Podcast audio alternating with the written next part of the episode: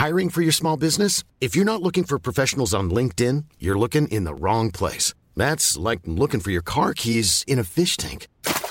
LinkedIn helps you hire professionals you can't find anywhere else, even those who aren't actively searching for a new job but might be open to the perfect role. In a given month, over 70% of LinkedIn users don't even visit other leading job sites. So start looking in the right place. With LinkedIn, you can hire professionals like a professional. Post your free job on linkedin.com slash people today. Hey, how you doing? Heel hartelijk welkom bij Julia. Okay, meet me at the bar in 15 minutes and suit up. 이 자리에 오신 여러분을 진심으로 환영합니다. Listen to what Mr. Shelby has to say. Goed dat je weer bij ons bent. Welkom bij Content Wars, de podcast over de wereld achter de content. Mijn naam is Jelle Maasbach en Guusje is er ook nog steeds. Ze is eh, ja, helemaal overdonderd door alle fanmail die ze heeft gekregen, hoorde ik. Koos is ook helemaal plat uh, gemaild. Hele inbox eh, zit in ieder geval vol met liefdesbrieven. En iedereen roept Koos op, geef haar een vast contract. Hè? Dat heb je ook meegekregen, toch? Ja, ik heb het begrepen. Het is een bombardement. Maar goed, nog steeds de oproep voor de Insta-account die ze heeft gemaakt. Content Wars Podcast. Volg ons en volg vooral Kirsten van Nieuwenhuizen, formatontwikkelaar, de man achter onder meer tv-makelaar, That's the Question, Singletown en ook nog in het team dat Big Brother bedacht. En aan de andere kant van de tafel, naast ons, Remco Lentjens, Creative Director ITV. En hij bestormt vanaf morgen de wereld met dit format. For years, dating was impossible because we prioritized our twin over ourselves. We're looking to help these identical twins find the love they're looking for. We are going to be splitting you up into two identical houses with zero communication. Twin Love. Ja. Verkocht aan hoeveel landen inmiddels? Nou, het is verkocht aan één land, laten we daar even heel duidelijk over Ja. zijn. Maar hij wordt uitgezonden in 240 landen en regio's. Kijk. Zoveel. Ja, ja, hij wordt gewoon wereldwijd gereleased op Amazon Prime. Dus eh, hij gaat meteen de hele wereld over. Wat goed. Ja. Nou, goed dat je er bent. Nou, leuk. leuk ik krijg vaak van vrienden van mij, eh, Remco, trotse filmpjes van, van hun kind dat dan net leert fietsen of eh, voor het eerst een woordje zegt. Eh, ik volg jou op LinkedIn en dan zie ik elke keer van die trotse po- posts over Twin Love. Is dit een beetje jouw kindje? Nou, dan volg je me niet op Instagram of Facebook, want dan had je die andere foto's ook gekregen. Ook maar op LinkedIn, ja, dat is ook wel een beetje mijn kindje waar ik wel heel trots op ben, ja. Ja, we gaan het dus hebben over Twin Love. Voor de luisteraar die het nog niet ja, kan zien, want het gaat dus morgen in première. Kan je ons vertellen wat het principe is? Ehm, eigenlijk in de basis is het een heel simpel gegeven. Eh, we hebben een grote groep met identieke tweelingen. Eh, wat zij niet weten van tevoren is dat ze opgesplitst gaan worden. Dus je hebt eh, uiteindelijk twee huizen. Het is een eh liefdes-dating experiment. En in de twee huizen eh, ehm, zit de ene helft van de tweelingen zit aan de ene kant. En in het andere huis zit de andere helft van de tweelingen. En dan wordt er eigenlijk gedate. Een realityprogramma in, in, in het daten zoals we dat kennen. Ehm, alleen je hebt elke keer intercuts tussen de twee huizen. En gaat daardoor vergelijken eigenlijk van eh, wat er in het ene huis gebeurt. Gebeurt het ook in het andere huis. Maar niet alleen dat. Want er komen natuurlijk een aantal twists en turns aan. Eh, ze hebben ook uiteindelijk invloed op elkaars huis. Dus eh, stel dat ik een tweeling zou zijn en ik zit in het ene huis. Heeft dat consequenties voor mijn broer in het andere huis? Hoe ben je op het idee gekomen? Heb je een tweelingbroer bijvoorbeeld? Nee, helemaal niet. Nee, ik zeg altijd, ik heb een gezonde fascinatie. En sommige mensen die mij kennen gaan me dan uitleggen. Voor één eigen tweelingen. Ik vind hoe zij bewegen, eruit zien, hoe ze met elkaar omgaan. Echt fascinerend. Ehm, en eh, eigenlijk liep ik, nou, ik denk echt minstens tien jaar, misschien nog wel langer, idee, eh, met het idee rond dat daar moet een format in zitten. Er zijn natuurlijk wel een aantal programma's geweest over één eigen tweelingen in het verleden. Ehm, maar het leek mij zo leuk om die, die parallel universe eigenlijk naast elkaar te leggen. Ehm, en ik, ik kwam er maar niet uit. Dus ik heb verschillende sessies gehad, ook bij andere bedrijven waar ik gewerkt heb, nooit gelukt. Toen kwam ik bij ITV. Ik heb dat eh, samen gestart met eh Karen de Groot. Eh, en toen gingen wij Love Island produceren. En toen dacht ik, ja, we kunnen de casting ogenschijnlijk nog ingewikkelder maken. Ze moeten ook nog eens een keer allemaal vrijgesteld zijn en op zoek zijn naar de liefde. En als je dat dan in de mix gooit, dan krijg je een heel mooi programma. En dan ga je dus eh, de hele wereld over. Kirsten, ik krijg normaal altijd onder embargo krijg ik persberichten van eh, de Nationale Kipfokkerijvereniging eh, uit eh, Barendrecht of zo. Het zijn vaak niet hele spannende dingen. Maar nu heb ik voor het eerst dat ik naar een aflevering kon kijken van Twin Love. Wij allebei. Ja. We hebben hem gekeken. We hadden de primeur onder Ja. embargo. Wat Ja. vond je ervan? Ja, ik, nou, kijk, er zijn een paar keer formats die als ik de titel al hoorde, en dat had ik met eh Kopen zonder kijken en ook met B&B voor Liefde en heel lang geleden met eh Wife Swap, eh, jouw vrouw, mijn vrouw, waarvan ik dacht, shit, dat is een slim idee. En dat had ik direct met Twin Love. Dat ik dacht van, dat zijn ideeën waar creatieven naar kijken en denken, waarom heb ik dit niet verzonnen? Want het is eigenlijk heel obvious. En het leuke is dat jij zegt, ik ben er tien jaar mee bezig geweest. En dat gebeurt dan ook vaak, je met een idee heel lang zit. Totdat je eenmaal die twist krijgt van, we gaan een datingprogramma. En dan denk je eigenlijk, ja, het, ligt zo voor de hand. Uh, en dat zijn misschien wel de beste ideeën. Um, ik heb zitten kijken en ik vond het. Ja, ik heb ook al Remco geappt. Ik zeg: dit gaat gewoon. Dit kan gewoon geen hit worden. Dit wordt gewoon een knaller. Mm -hmm. Want het leuke van dit format is. En ik heb natuurlijk ook een zwak voor dating format. Singletown was natuurlijk ook een, is ook een dating format. Is dat behalve dating dit heel veel andere elementen heeft. Uh, uh, wat het zo leuk maakt. Dus het is een veel breder programma dan het alleen maar mooie mensen kijken die met elkaar gaan daten. Uh, je zit heel erg te kijken hoe, hoe, hoe verhouden die tweelingen zich tot elkaar. Wat ja. gaan ze kiezen? Gaan ze voor dezelfde dingen? Uh, in die eerste aflevering was al heel schattig dat toen het moment dat die tweelingen horen dat ze uit elkaar worden getrokken, gaan er gewoon diverse tweelingen huilen. Dit zijn volwassen mensen, maar die zijn hun hele leven nog nooit uit elkaar geweest. Nou, dat weet je wel, dat soort dingen. Dus uh, ik denk dat het, dat het een, een hit gaat worden, dat sowieso. Uh, en ik vind het een, een, hele leuke toevoeging aan het genre uh, dating, omdat het gewoon een, een, psychologisch element heeft wat Precies. het heel leuk maakt. Want ik dacht dat daten is niet helemaal mijn ding, zeg maar, datingformats. Um, uh, maar het sociale experiment erin is best wel grappig, want ja. je ziet uh, gelijk uh, Whitney en, Whitney en Britney. Whitney en Britney. het is heel grappig als die uit elkaar worden gehaald en wat er dan met die twee gebeurt. en dat sprak me ook wel aan. Dus inderdaad, wat volgens mij ook er wel bij wordt genoemd, dat een, een sociaal experiment is dat vind ik wel echt, echt heel tof en goed uitpakken. Ja. Dat is op een gegeven moment voor mensen moeten kiezen. We moeten niet te veel verklappen, maar dat is op een gegeven moment voor iemand moeten gaan. Dat vond ik ook heel grappig. Wat kiest de ene tweeling in het ene huis en wat kiest de andere tweeling ja. in het andere huis. Dus dat is best wel, best wel goed. Uh, maar ja, het begint dus allemaal met een idee. Maar hoe heb je het vervolgens verkocht? Nou, uh, daar zit een klein stukje geschiedenis aan. En een kleine toevoeging nog over wat, wat dit misschien anders maakt dan een standaard datingprogramma. Is die één eigen tweeling zijn zo aan elkaar verkleefd eigenlijk. Ja. Uh, uh, ze zijn heel erg altijd bezig met de ander. Dus wat daten complex maakt, dat bleek later ook uit de, uit de, uit de research die we deden, is dat één eigen tweeling veel later pas een relatie starten. Omdat ze eigenlijk altijd, je, bent, je hebt altijd je derde wiel. Ja. Er zit altijd nog iemand ja. bij. En in dit experiment halen ze uit elkaar. En dan moeten ze in één keer alleen een keuze gaan maken. En alleen bezig zijn met zichzelf. En uiteindelijk is dan de vraag in het programma, als we verder in de reeks uh, gaan kijken. Van kies je uiteindelijk voor de liefde of kies je voor je weder? Of uh, voor, voor je sibling, voor je, voor je uh, broer of zus? Um, en, da, en dat, maar die, dat spanningsveld vind ik er daar heel erg leuk aan. Ja. Uh, als kleine toevoeging op wat jij uh, heel mooi al verwoordde over het programma. mooi. Maar de ontstaansgeschiedenis. Nou, um, ik, ik, was er dus al jaren mee bezig. Uh, en op een gegeven moment maakten we Twin Lo of, sorry, Love Island. En toen met het team. en dat was in dit geval met name Emil Sitocci. Toen zei ik van, goh, volgens mij moeten we Love Island uh, aan, aan, aan, toevoegen, zeg maar. Dat het daten gaat worden uh, binnen het format. Toen is hij ook de research inge, ingedoken. En eigenlijk, dat was de start van corona. Dus was het eerste moment dat we thuis werkten. Um, uh, had hij heel snel eigenlijk het format verder opgeschreven. de basis lag er, maar hij heeft dat heel, heel mooi opgeschreven. En in coronatijd, dus er zijn ook wel positieve dingen aan, uh, ben ik heel gaan schakelen met de internationale zusterlabels van de ITV-groep. Uh, want ja, we zaten allemaal maar thuis en voorheen ging je niet snel in een Skype-gesprek. Je, je zag elkaar twee keer per jaar op een uh, creatieve uh, meeting. Uh, maar ik ben heel gaan schakelen met die internationale labels. Van wat, waar zijn jullie mee bezig? Hoe pakken jullie het aan in coronatijd? Wat kun je nog produceren, wat niet? En toen vertelde ik over, nou, we hebben nu echt een fantastisch idee. Daar, daar ben ik echt heel erg enthousiast over. En toen zei die Amerikaanse collega van, ja, maar zouden wij dit aan mogen bieden aan de streamers? En zei ik, nou, als ik heel eerlijk ben, denk ik dat jullie meer kans maken, uh, gelet op de grootheid van het programma, um, dan dat wij dat lokaal gaan aanbieden aan een streamer. We hadden het wel een aantal uh, partijen aangeboden in Nederland. Uh, maar als wij het lokaal gaan aanbieden, wordt er toch met een Nederlands budget naar gekeken uh, en Nederlandse mogelijkheden. Dus ja, als jij hier heel sterk in gelooft, graag met liefde. Ja. Dat proces heeft nog anderhalf jaar geduurd tot de daadwerkelijke bestelling. Maar ze hadden wel relatief snel al basisinteresse van Amazon Prime Video. Um, ja, want dit is een format, kan ik me voorstellen.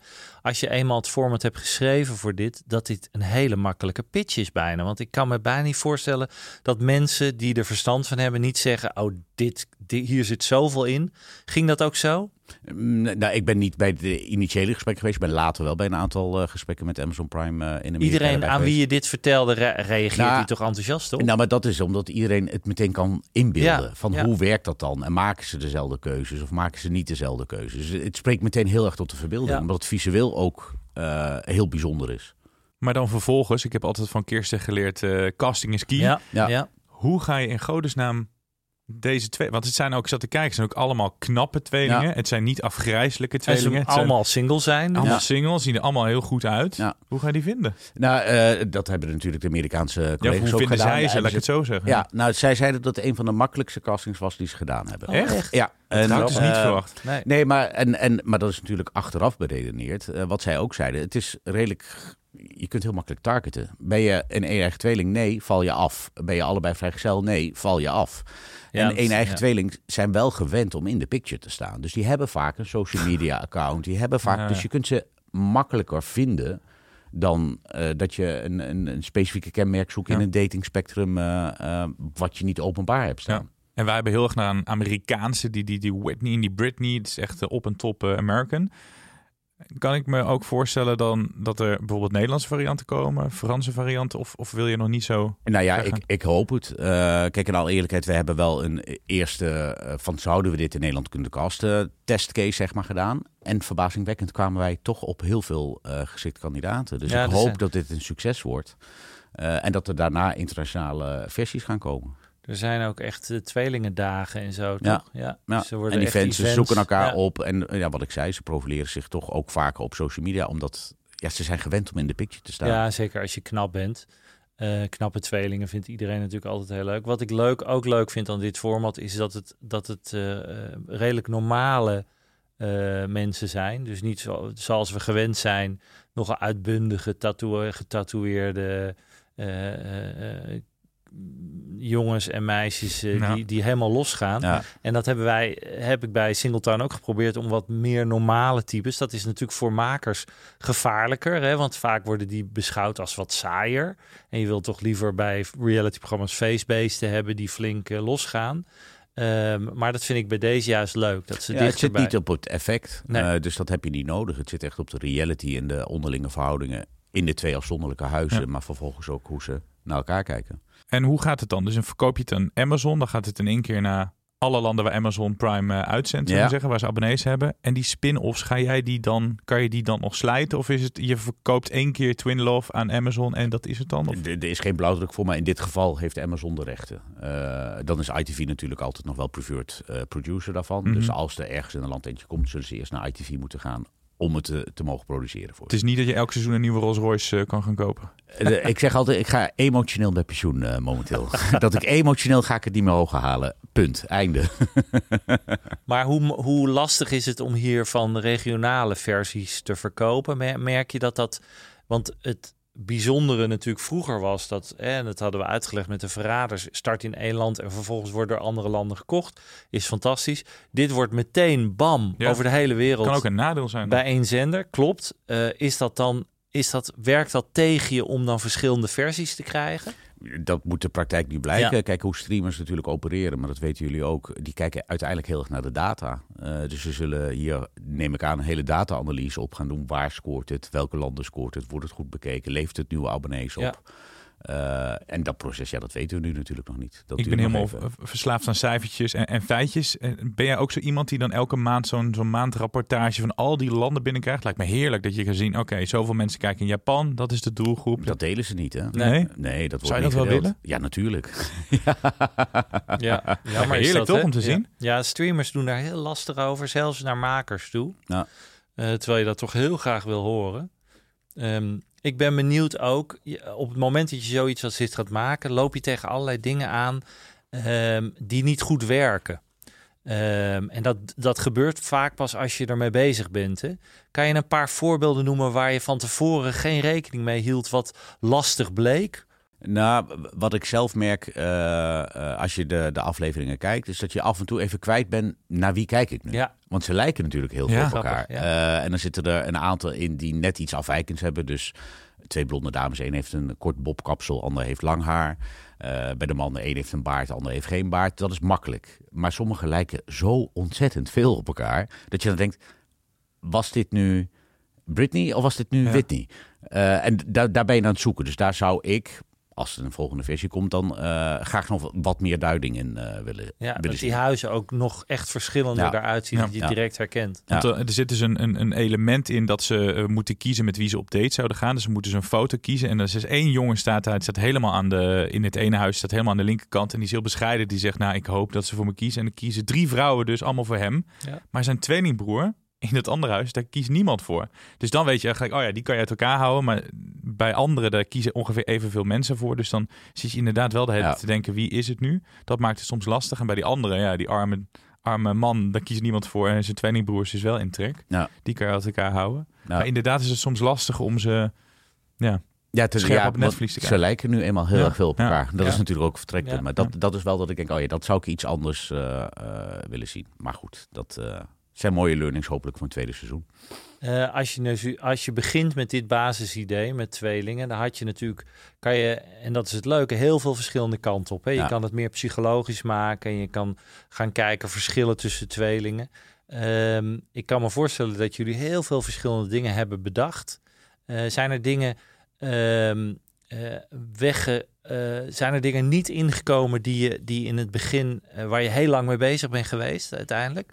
Nee, kijk, als je, eh, wat, wat ik heel grappig vind is, eh, wij hebben een, een, een format flyer eigenlijk gemaakt. Dat is een boekje waarin je het format uitlegt en alle stappen en de fases en waar werk je naartoe in de finale, et cetera, et cetera. Ehm eh, Emil Sitochi, die daar aan meegewerkt heeft, die spreekt fantastisch Engels. Die heeft ook in Amerika gewoond. Letterlijk uiteindelijk in de Amerikaanse versie van de flyer stonden zijn teksten. Nou, dat vind ik al een groot compliment.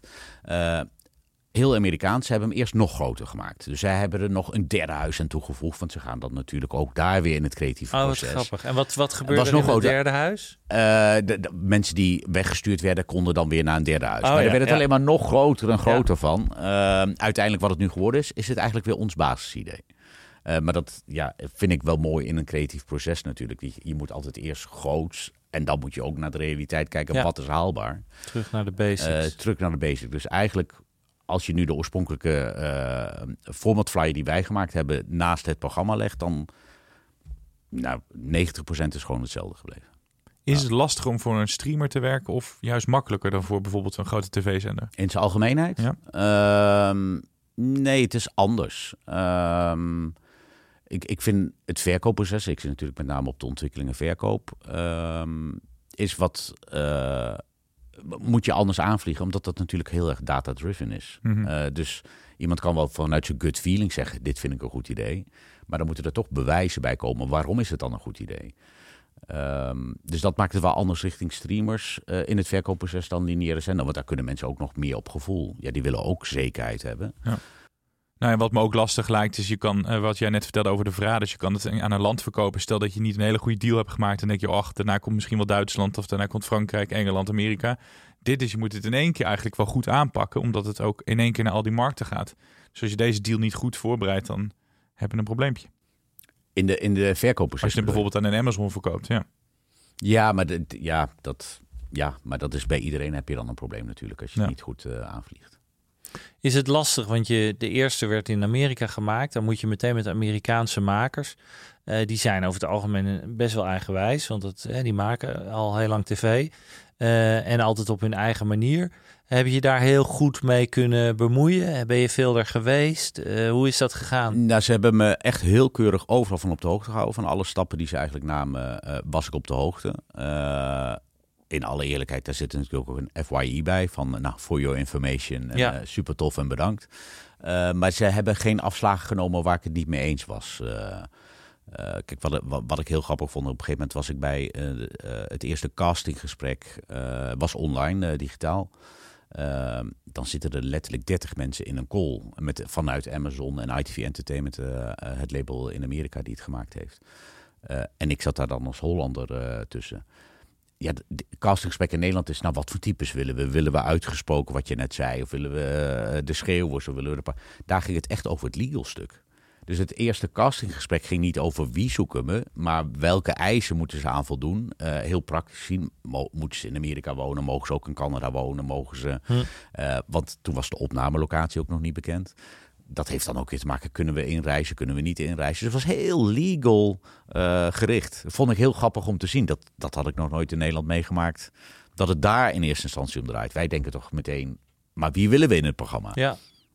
En het is vorig jaar allemaal opgenomen? Het is vorig jaar, eh, oktober is het opgenomen. Oké, ja. dus en eh, ik ben ook bij de opnames geweest daar. Ja. In, in Californië? De- in de, de, de grote, de Greater Los Angeles, zeg maar, in de area. Ja. ja. Ja, het ziet er prachtig uit. Ja. Het, is, het is lekker Amerikaans, dus dat is voor heel veel mensen vinden dat heel leuk. Ik, ben, ik zou ook heel benieuwd zijn hoe een Engelse eruit zou gaan Ja. zien als ze een Engelse zouden maken. Die maken er toch weer vaak net iets anders van. En ik ben altijd wel eh, ik, ben onder de indruk van wat de Engelsen ervan maken. Dus dat, dat zou ik echt wel leuk Ja. vinden. Sowieso dat- de verschillen. eh, Ja. de, de Ja, maar ik ben ook benieuwd naar de Braziliaanse, Ja, de ja, Japanse. Dus Nee, kom maar door dan- hoor. En dat jij dus elke keer naar al die locaties mag. Maar dat doen we een dan andere aflevering hierover. Dan Ja. gaan we gewoon kijken van Alles- wat zijn de verschillen. Alle versies. Ja, dat heel zou leuk. hartstikke leuk zijn, ja. Hey, je zei net, ik ben eh, emotioneel eh, met pensioen. Ja. Ehm, ga je hierna nog eh, wat bedenken? Of zeg je, ja, na Twin Love, wat moet ik nu nog bedenken? Ben je toch wel met de volgende hit al bezig? Nee, ja, kijk, als creatief ben je natuurlijk altijd bezig. Dat stopt nooit, ook niet. Kantoortijden zijn ook niet het einde van je werkdag. Dus dat kan op hele gekke momenten binnenkomen. Dat dit gelukt is, is wel heel uniek. Dus ik heb niet de fiducie, nu ga ik er nog zes bedenken. Eh, dat zou heel mooi zijn, maar dat is niet dat ik daarvan uitga dat het gaat lukken.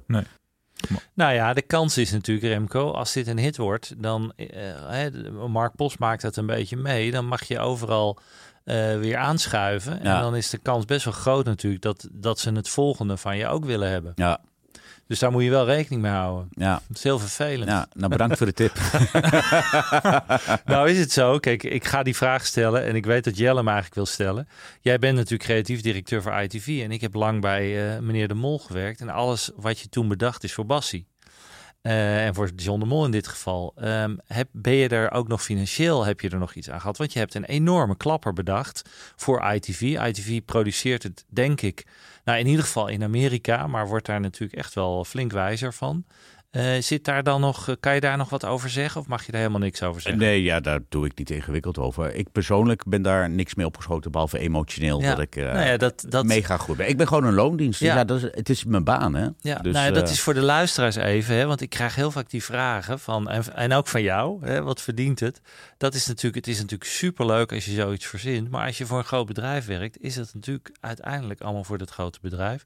Desalniettemin zal dit echt wel, dit straalt af en eh, ik weet zeker dat je er wel, eh, wel iets aan gaat hebben in de hopelijk nabije of verre toekomst. Ja, want jij zei eerder al een keer in een aflevering, jij werkt inderdaad voor, eh, voor De Mol en daar heb je heel veel geleerd, maar je bent pas echt knaken gaan verdienen toen je That's the Question voor jezelf Ja, samen met en- Mark verzon. En ik denk dat Remco uiteindelijk hier ook wel echt wel financieel van gaat profiteren, omdat het natuurlijk je naam neerzet. En mocht je ergens anders of voor jezelf, dan gaat dit echt wel wat, wat betekenen. Eh, maar eh, het, het is zeker zo dat als je voor bedrijven werkt, dat mensen denken: oh, je verzint iets, dus de Rolls Royce kan gekocht Ja. worden, wat jij net zegt. En dan is dat eh, niet altijd zo. Maar goed, dat Het is heerlijk dat wij meer met jouw bankrekening bezig zijn jij. Want Nou ja, het is ik- mooi dat mensen ik jouw gezicht het- niet kunnen zien. Jij zit heel rustig voor je uit te Ja. staren. Van, Nee, maar goed, ik sla het allemaal op en dan, en dan kom ik daar nog een keer op terug van, Ja. nou, sorry, maar... het echt zo was. ja. Maar het is niet je drijfveer, merk ik al. Nee, Maar dat zeggen creatieve... ook Nee, maar dat moet je ook niet hebben. moet je ook Nee. niet hebben. Je, ik denk dat dat niet werkt. En ik denk dat dit de droom is van heel veel creatieven om zoiets mee te maken. Eh, dus daar moet je ook gewoon van genieten. Ja, kijk, en ik vind ook altijd creativiteit doe je ook niet in je eentje. Dus in dit Nee. geval is het mijn zaadje geweest. Maar wij werken aan heel veel mooie projecten bij ITV, wat niet mijn zaadjes zijn. Dus dat is ook altijd heel lastig. Ja, wie Ja. is uiteindelijk degene Ja. die hier, Ja. als je niet de dienst zou zijn, financieel beter van moet worden? Nee, ja, het is toch teamwork. En of Ja. je nu vijf minuten met iemand bij het koffiezetapparaat hebt lopen sparren, die net even dat ene Ja. momentje hebben kunnen geven, of je hebt 36 brainstorms gehad. Het is nooit een, een, een, een individu die Nee. ergens aan werkt. Is het wel de, de, ja, de categorie waar je in wil blijven werken? Dus als je weer bezig bent met een nieuw format, moet dat weer iets te maken hebben met het daten aan zich? Of zeg ik wil dan iets totaal anders doen? Nou, de grap is dat ik altijd zeg, daten is een beetje verzadigd. Uh, er zijn zoveel titels qua daten. Nou, toch verzin je dus, erbij. Je dus wel weer ja. Maar dat zeg ik zelf ook altijd. Ja. Uh, en, en dit is al een aantal jaar geleden, omdat het verkoopproces wat langer geduurd heeft, uh, ontstaan.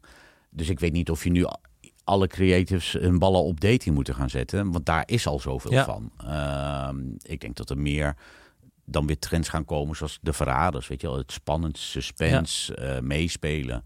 Uh, en dat zal over twee... Ik denk dat daar nu nog meer voorbeelden van zullen gaan komen. Nou ja, dus de verraders met tweelingen?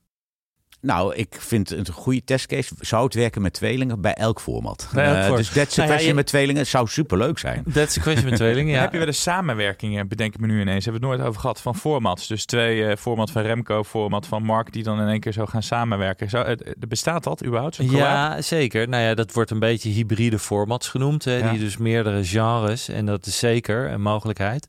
Ehm, en daar wordt ook heel goed naar gekeken. Van kunnen we iets doen wat een beetje dit is en een beetje dat. Ehm, ik denk ook wel dat jij zegt je bent er tien jaar mee bezig geweest. Je hebt natuurlijk heel veel verschillende dingen al bedacht met tweelingen. En ik acht de kans best groot. En dat zien we al een beetje, zagen we ook al een beetje op MIP. Hè, dat er steeds meer tweelingen-achtige formats komen. Ja. Eh, dat is natuurlijk ook wel iets dat je denkt. Ik kan nu alle andere ideeën die ik ooit bedacht had met tweelingen, die kunnen we nu gaan uitrollen. Ja, eh, eh, het klopt. Nee, maar inderdaad, op MIP uh, er kwam een, eh, een, een, een eh, meer op politiek gerichte tweeling eh, opsplitsing. Eh, ik zag van Blue Circle had laatst een tweelingcasting eh eruit gegooid. Dus ja, misschien wordt nu tweelingen wel weer even tijdelijk Ja, een... eh, Gaan een de tweeling- tweelingen zou kunnen. tijdperk in? Het tweelingentijdperk. Ja, Ja. ja. hartstikke leuk. Ja, ik, eh, ik raad iedereen aan om, eh, om, naar- om Prime eh, te nemen en naar eh, Twin Love te gaan kijken. Want ik denk dat, het, eh, dat veel mensen het leuk zullen vinden in ieder geval. Ik raad ook aan om eh, naar de volgende vrouw eh, te luisteren, waar eigenlijk iedereen wel mee zou willen daten. Zou het hier werken? Ja, daar is ze weer, Lisette van Diepen. En vorige week, Kirsten, had ze een, een format meegenomen dat je al kende. Ja. Wat denk je? Heeft ze nu iets wat je nog niet kent? Nou, wij, wij hopen natuurlijk dat ze met een heel erg... eh, eh, Flater gaat komen. flatertje gaat dat we komen. kunnen zeggen, Lisette, Lisette, Lisette. Maar ik zie Lisette alweer licht stralen. Dus ik heb het idee Oh, dat ja. het weer een thumbs up wordt hier. Nou, ik, ik heb in ieder geval iets meegenomen dat jij gaat kennen, de naam. Alweer? Zeker, zeker. Nee, ik, ik keek afgelopen weken naar de herlanceringen van klassiekers eh, in de UK. Dus ik keek naar Big Brother. Oh ja, dat kent hij wel, ja. Die ken je. Ken ik een beetje. En ik keek naar eh, Survivor, Expedition Robinson. Allebei gelanceerd daar. En was leuk om te zien. Maar goed, ik kwam dus weer met een klassieker. Omdat herlanceringen van klassiekers echt wel een thema is. En we hebben het er al veel over gehad.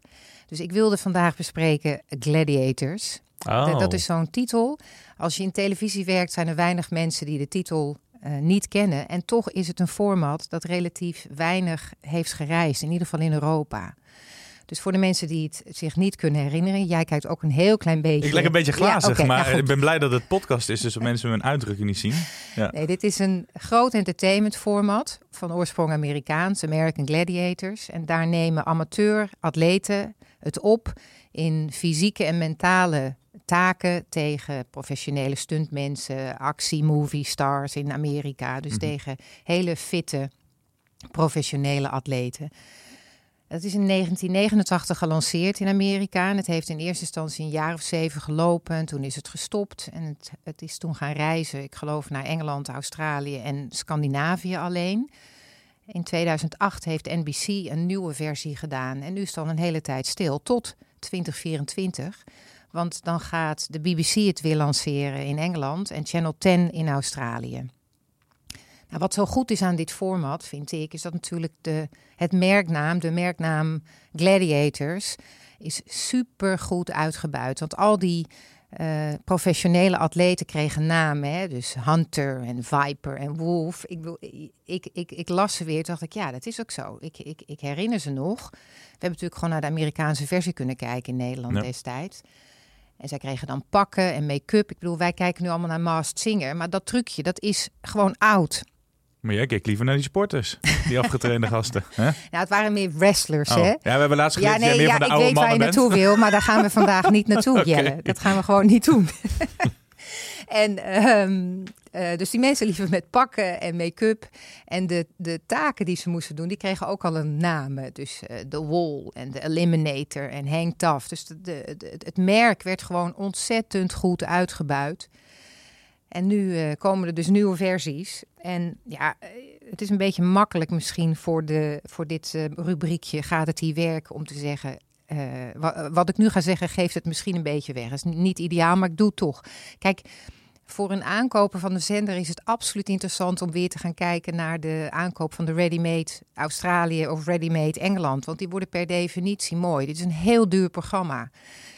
Dus dat is een makkelijkere aankoop wellicht dan een Nederlandse versie te bestellen. En toch wilde ik het noemen, omdat het is evenement. Even los van het hele merchandising gebeuren, is een evenementtelevisie doet het gewoon heel goed. Het is dé manier om het hele gezin, van opa tot het kleinkind, bij elkaar te brengen. En dit te laten, laten zien, laten, laten genieten.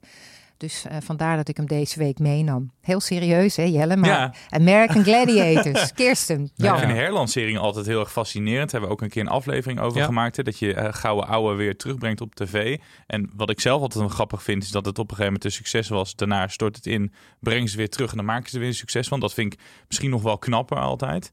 Maar ik ben benieuwd hoe jij naar deze hit kijkt. Ja, het, eh, als je er niet zoveel van af weet, moet je op Netflix staat een documentaire over Ja. de, de, eh, hoe het ontstaan is. Heel Het is heel interessant. Oh, zag wel voorbij komen. Ja, Ja. is echt interessant hoe dat programma ooit gestart is. En ook met alle schandalen. Want bleek dat heel veel van die mannen eh, nogal aan de drugs op een gegeven moment gingen in de tachtiger jaren eh, en in de negentiger jaren. Heel veel van die gladiators. Eh, en er vielen ook hele heftige gewonden, omdat die spellen in het begin niet zo goed getest waren. Eh, en toen ging het echt wel mis. Ehm, maar het is inderdaad een ontzettend sterke titel. Ehm, want het is precies wat jij zegt. Iedereen heeft wel iets met die naam. Eh, en je kan je er ook meteen iets van voorstellen. Het, het is een beetje gebaseerd op de, het oude Romeinse spelen. Dus je stopt iemand in een arena en in plaats van een leeuw komen er een, paar van die enorme grote gasten op je af. Eh, en dan moet je zien te overleven als gewone kandidaat. Mhm. Ehm, en dat werkt nog steeds. Iedereen begrijpt dat. En het leuke is inderdaad wat Lisette zegt, dat je er van eh, jong eh, en oud naar kan kijken. Oud zal het herkennen en denken, oh, ik ga nog eens kijken, want ik heb dit 20, 30 jaar geleden gezien. Eh, en voor de jongere kijker is dit gewoon spectaculair. Ja. En het was toen al heel spectaculair. Sterker nog, de spellen waren soms zo heftig dat ze op een gegeven moment hebben moeten besluiten om het een beetje te, te dimmen erin. Want er vielen gewoon zwaar gewonden bij. Ehm, maar ik vermoed dat ook dit jaar, zeker als het in Amerika en in Engeland gaat lopen, dat het flink Ik losgaat. ben er wel getriggerd om te kijken. Maar je hebt het net over Netflix. Je zou dan ook kunnen zeggen als Netflix een documentaire brengt over hoe het achter de schermen ging. En dat ze dan gelijk weer een nieuw seizoen uitbrengen. Ja. Zij maken vaak ook reclame voor hun eigen producties. Ja, nee, of, ik- of vind je het meer voor een zender? Nee, ik denk dat het een heel goed punt is van jou, Jelle. Je- Netflix had perfect dit format kunnen gaan doen. En ik denk dat het de gemiste kans is van Netflix. Want Netflix had heel goed kunnen zeggen: wij gaan wereldwijd. En we zitten hè, vandaag met Remco over iets wat wereldwijd gestart wordt: Twin Love. Dit had ook iets kunnen zijn wat Netflix had kunnen nemen en zeggen: we gaan gewoon een nieuwe serie Ja. maken. Nou, dat hebben ze niet gedaan. Ja, maar ik weet, ik weet niet uit mijn hoofd in welk jaar de Netflix-serie eh, besteld is. Maar wat ik wel weet is dat de BBC met name hier al heel lang mee bezig is. Ja. Dus ik denk dat die rechten in ieder geval voor de UK en voor Australië, dat die al vast zaten. Ah, Dit is natuurlijk een heel lang traject Ja, geweest. Nou, dan is Dat het minder ik. interessant voor Netflix natuurlijk. Maar dit gaat, ik weet zeker dat dit een hit gaat Ja. worden. Eh, en ik denk ook dat inderdaad ze de ready-mates gaan kopen in Nederland. Want dit, dit heeft een hele grote arena nodig met heel veel spellen. En het kost echt een godsvermogen. Ik denk dat het misschien richting wel een miljoen per aflevering gaat, zoiets. Eh, dus dat kan, kan Nederland nooit betalen. Ehm, die afleveringen zullen overigens ook niet heel goedkoop worden, denk ik, als je ze als ready-made koopt zelfs. Ehm, maar eh, dat het gaat werken, weet ik 100% zeker. Ik vind het, het is zo'n titel dat als het terugkomt, dat je denkt: oh ja, waarom hebben we dat niet eerder teruggezien? Want het probleem voor zoveel zenders is: hoe krijgen we die jonge en die oudere kijkers samen voor de buis? Dat zie je. Dan wordt het interessant. hè? Dan wordt het interessant. En voor vrijdag en zaterdag. En alle zenders zijn elke keer op zoek naar dat soort formats. Hè, de nieuwe voice. Ja. Uh, nou ja, kijken wat, er, wat RTL en Talpa voortdurend probeert. En dit is wel iets dat, uh, dat echt vrijdag, zaterdagavond entertainment is. En je weet het, het is weer een succes. Ja, dus dan is... heeft Lisette weer een succes. en ze heeft een ja, keer een nieuwe doelgroep ook aangeboord. Ja, het wordt... We dachten, er komt weer een Voice Senior. Wordt niet leuk weer Misschien maar moeten we dit format gaan bespreken. Ja. In de zin van, misschien moeten we ja, wat anders verzinnen. Misschien moeten we Ik- het... uh, alles wat goed gaat in de wereld van Lisette van Diepen of zo. Wat zou niet lukken? Dat Wat zou niet lukken? Ja, dat kunnen Gaat we er wel eens een keer Nee, wat maar mis? Hè? Kijk, het leuke van dit soort dingen is, is dat Lisette elke keer komt met dingen waarvan ik, uh, waarmee ik ook weer verrast word. Ja. En Gladiators zie ik wel naar uit. En Ik vind heeft- het wel leuk. Ik ook. En ze heeft ook wel eens gezegd van... nou, ik kom nu met een format, dat gaat niet werken. En dan werd ik er heel enthousiast van. En dan kreeg ik jou ook nog mee. Dus ze probeert zelfs wel eens een flop mee te nemen. En die ik keuren ga- wij ik- dan weer goed. Extra kritisch zijn volgende week. Maar we houden nog steeds van je. Dankjewel ik, voor eh, alles. Ik zie eruit volgende week. Tot, Tot volgende dan. week. Hoi hoi.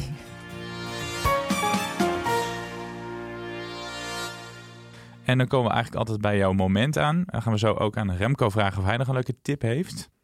Ja, eh nou ja, goed, we hebben, we hebben het al redelijk uitgebreid over Twin Love gehad, wat ik dus echt wel een tip vind. Maar ik ga er nog eentje doen. Eh, en ik- volgens mij eh, hoop ik dat, eh, dat Remco ook met iets komt. Eh, in dit geval eh, eh, op Netflix eh, staat iets nieuws van een, een van mijn favoriete regisseurs, David Fincher. Ehm, en ehm, dat is een regisseur die heeft echt hele grote na films gemaakt. Seven is van hem, hè? noem maar Ja, even eentje. ja. Fight Club, ook niet verkeerd. Allebei met Brad Pitt. Social Network, ook niet verkeerd. Maar hij heeft, David Fincher heeft een, een beetje een fascinatie voor huurmoordenaars en voor seriemoordenaars. Of althans seriemoordenaars. Want eh, Seven ging natuurlijk over seriemoordenaar. Zodiac is ook van hem, gaat over een beroemde seriemoordenaar. Mindhunter, een van de betere series op Netflix. Ook van David Fincher, gaat over allerlei beroemde seriemoorders. Nou, ik kom eraan. Eh, hij heeft een nieuwe film gemaakt. Die staat er net op, die heet The Killer. En dat gaat niet over een seriemoordenaar, maar over een huurmoordenaar. Gespeeld door Michael Fassbender. En eh, een hele goede acteur natuurlijk. Eh, en dat is wel een hele mooie film. Ehm, want eigenlijk het leuke van films over huurmoordenaars is dat ze bijna altijd hele bijzondere eh, eh, personen zijn. Kijk naar Tom Cruise in Collateral, wat natuurlijk een beetje een weirde gast was. Maar deze rol is eigenlijk, Michael Fassbender speelt eigenlijk een hele normale man die totaal niet opvalt. En dat vind ik eigenlijk veel realistischer, want ik denk dat echte goede huurmoordenaars helemaal niet opvallen. Ehm, eh, en daar, eh, het, is, het is gewoon een hele goede film. eh The Killer op Netflix. Leuk, weer eens een keer een film. Ja, Daar heb ik zin in. in plaats van een serie. ja. Ja. ik zoek ook nog echt wel een goede serie. Ik had Nou, laatst The Fall of the House of Usher op Netflix. En Ja. daarna ben ik niet meer iets tegengekomen waar ik echt blij Nou van ja, word. en deze, deze is, had zomaar in de, in de bioscoop gekund. Volgens mij draait hij ook nog. Althans, of heeft hij gedraaid, weet ik even niet. Maar ik dacht dat hij draaide. Ehm, want die kwaliteit heeft hij. Eh, en wat ik zeg, David Fincher is gewoon een hele grote regisseur. Dus het is leuk dat je die gewoon op Netflix kan zien. Heb jij naast eh, Twin Love nog een andere tip? Hadden we Twin Love al genoemd? Vanaf morgen toch? Te zien? Vanaf morgen, jongens. Op Prime. Nee, ik wil, wil wel in het thema blijven. Het is ook geen serie. Eh, op Videoland staat nu een documentaire eh, sinds een tijdje. Dat is Three Identical Strangers. Eh, en dat is echt een fascinerende documentaire. De verkeerde kant van sociale experimenten met tweelingen. Dit gaat uiteindelijk over een identieke drieling. Ehm, maar het verhaal in het kort is eigenlijk... er is een man, jongen, die gaat naar de universiteit. Die wordt dan aangesproken door mensen met een andere naam. Hij snapt het niet. Dan komt hij tot de conclusie dat op die universiteit... eh, iemand zit die heel veel op hem lijkt. Dan gaan ze, duiken ze erin. Dan blijken ze dus broers te zijn. Dus zij zijn eh, bij geboorte eh, opgesplitst. Ehm, daar halen ze heel veel pers mee. Van nou, wat een bijzonder verhaal. Wij zijn uit elkaar gehaald. En uiteindelijk hebben we elkaar toevallig op de universiteit getroffen. Op het moment dat ze de pers halen, krijgen ze bericht van nog iemand. Eh, en dat blijkt dus de derde broer te zijn. Dit is dus een experiment geweest eh, eh, waarbij ze bij de geboorte een identieke drieling uit elkaar hebben gehaald. In drie verschillende milieus hebben laten opgroeien. Daar is een heel onderzoek zonder dat die ouders, de, de adoptiefouders, zonder dat die daarvan afwisten, hebben ze eigenlijk onderzoek gedaan naar wat is nurture, wat is nature. Het is te bizar voor woorden. Eh, Dit is echt gebeurd Dit ook. is echt gebeurd. In Amerika hè, loopt dit. Is Ja. in Amerika gebeurd. Ja. Ja. Oh, dat ook echt. En die staat nu op Videoland. eh, eh, en eh, nogmaals, dat is de foute kant van het sociale experiment. Ja. Maar het is wel fascinerend om te zien hoe toch die gelijkenissen zijn eh, en toch ook de verschillen. En het, nou ja, het, het krijgt nog een plotwending en het, eh, het is niet allemaal rooskleurig, zeg maar, wat er gebeurt. Nee. Eh, terwijl de hereniging van de drie broers eigenlijk heel mooi is. Maar nou ja, ik ga kijken, want anders verklap ik Oh, dat wil ik wel zien. Ja, het is een shocking verhaal. Ik, ik, heb er, ik had er ook van gehoord. Ik heb de, de, de eh, documentaire nog niet gezien. Maar het is inderdaad, ze lijken ook sprekend op elkaar, alle drie. Ja. En ze hebben ook heel veel overeenkomsten Ja, nou. eh, in hun leven. Terwijl ze dus eh, va- los van elkaar zijn opgevoed en niet van elkaars bestaan Ja. wisten. Ja. Maar het is verschrikkelijk dat ze zoiets hebben gedaan Ja. in die tijd. Ja. Ehm, als soort echt experiment. Gewoon met, met drie baby's. Ja. Dus ongelooflijk. Met, met jou nog heel even terug naar Twin Love, jongens. Hebben we het al? Nee, dit is het afgerond. nee, nee, maar ik wilde heel even vragen. Jij bent echt heel erg gefascineerd daardoor. Heb je heel veel research daar ook met allerlei drielingen en dat soort dingen ook nog gedaan? Ben ik nog even vergeten te vragen. Ja, nee, geen, geen, geen diepe research, maar als er een artikel of een film of een documentaire, dan trekt dat wel meteen mijn aandacht. Dan ga Ja. ik wel kijken. Ja. Leuk. Ja. Ja. Dankjewel. Interview Kirsten van Nieuwenhuizen. Nog even een vraag op het laatst. Ja. Dit was Content Wars voor deze week. We danken Remco Leentjes, de man achter, hoe heet het programma ook weer? Twin Love. Goed dat je er was. Dank jullie wel. En als jij nog meer landen eh, gaat bestormen en je hebt ons nodig, toch? Om mee te gaan naar Ja, Brazilië. om te gaan of- vergelijken, dat gingen we doen, toch? Ja, Kijken hoe de andere landen Ja, eh, programma's programmeren. Wij komen nooit verder dan Amsterdam. Eh, Lijkt nee. ons wel leuk, toch? Ja, maar het lijkt ons zeker leuk. Oh, het is een, Ja. potlo- een podcast op locatie dan? Ja. Oh, nou goed ja, idee. ja, we gaan Ja, naar mag Brazilië je- wil ik Mag jij helemaal loslopen, eh, leeglopen over hoe geweldig format het is. Nou ja, we dan- zeker, ja. En dan gaan wij daar even kijken. Ja, we zijn heel benieuwd naar de rest van de serie. Ja. Ja. En wij zijn er gewoon volgende week weer. En dan zeggen we tot dan.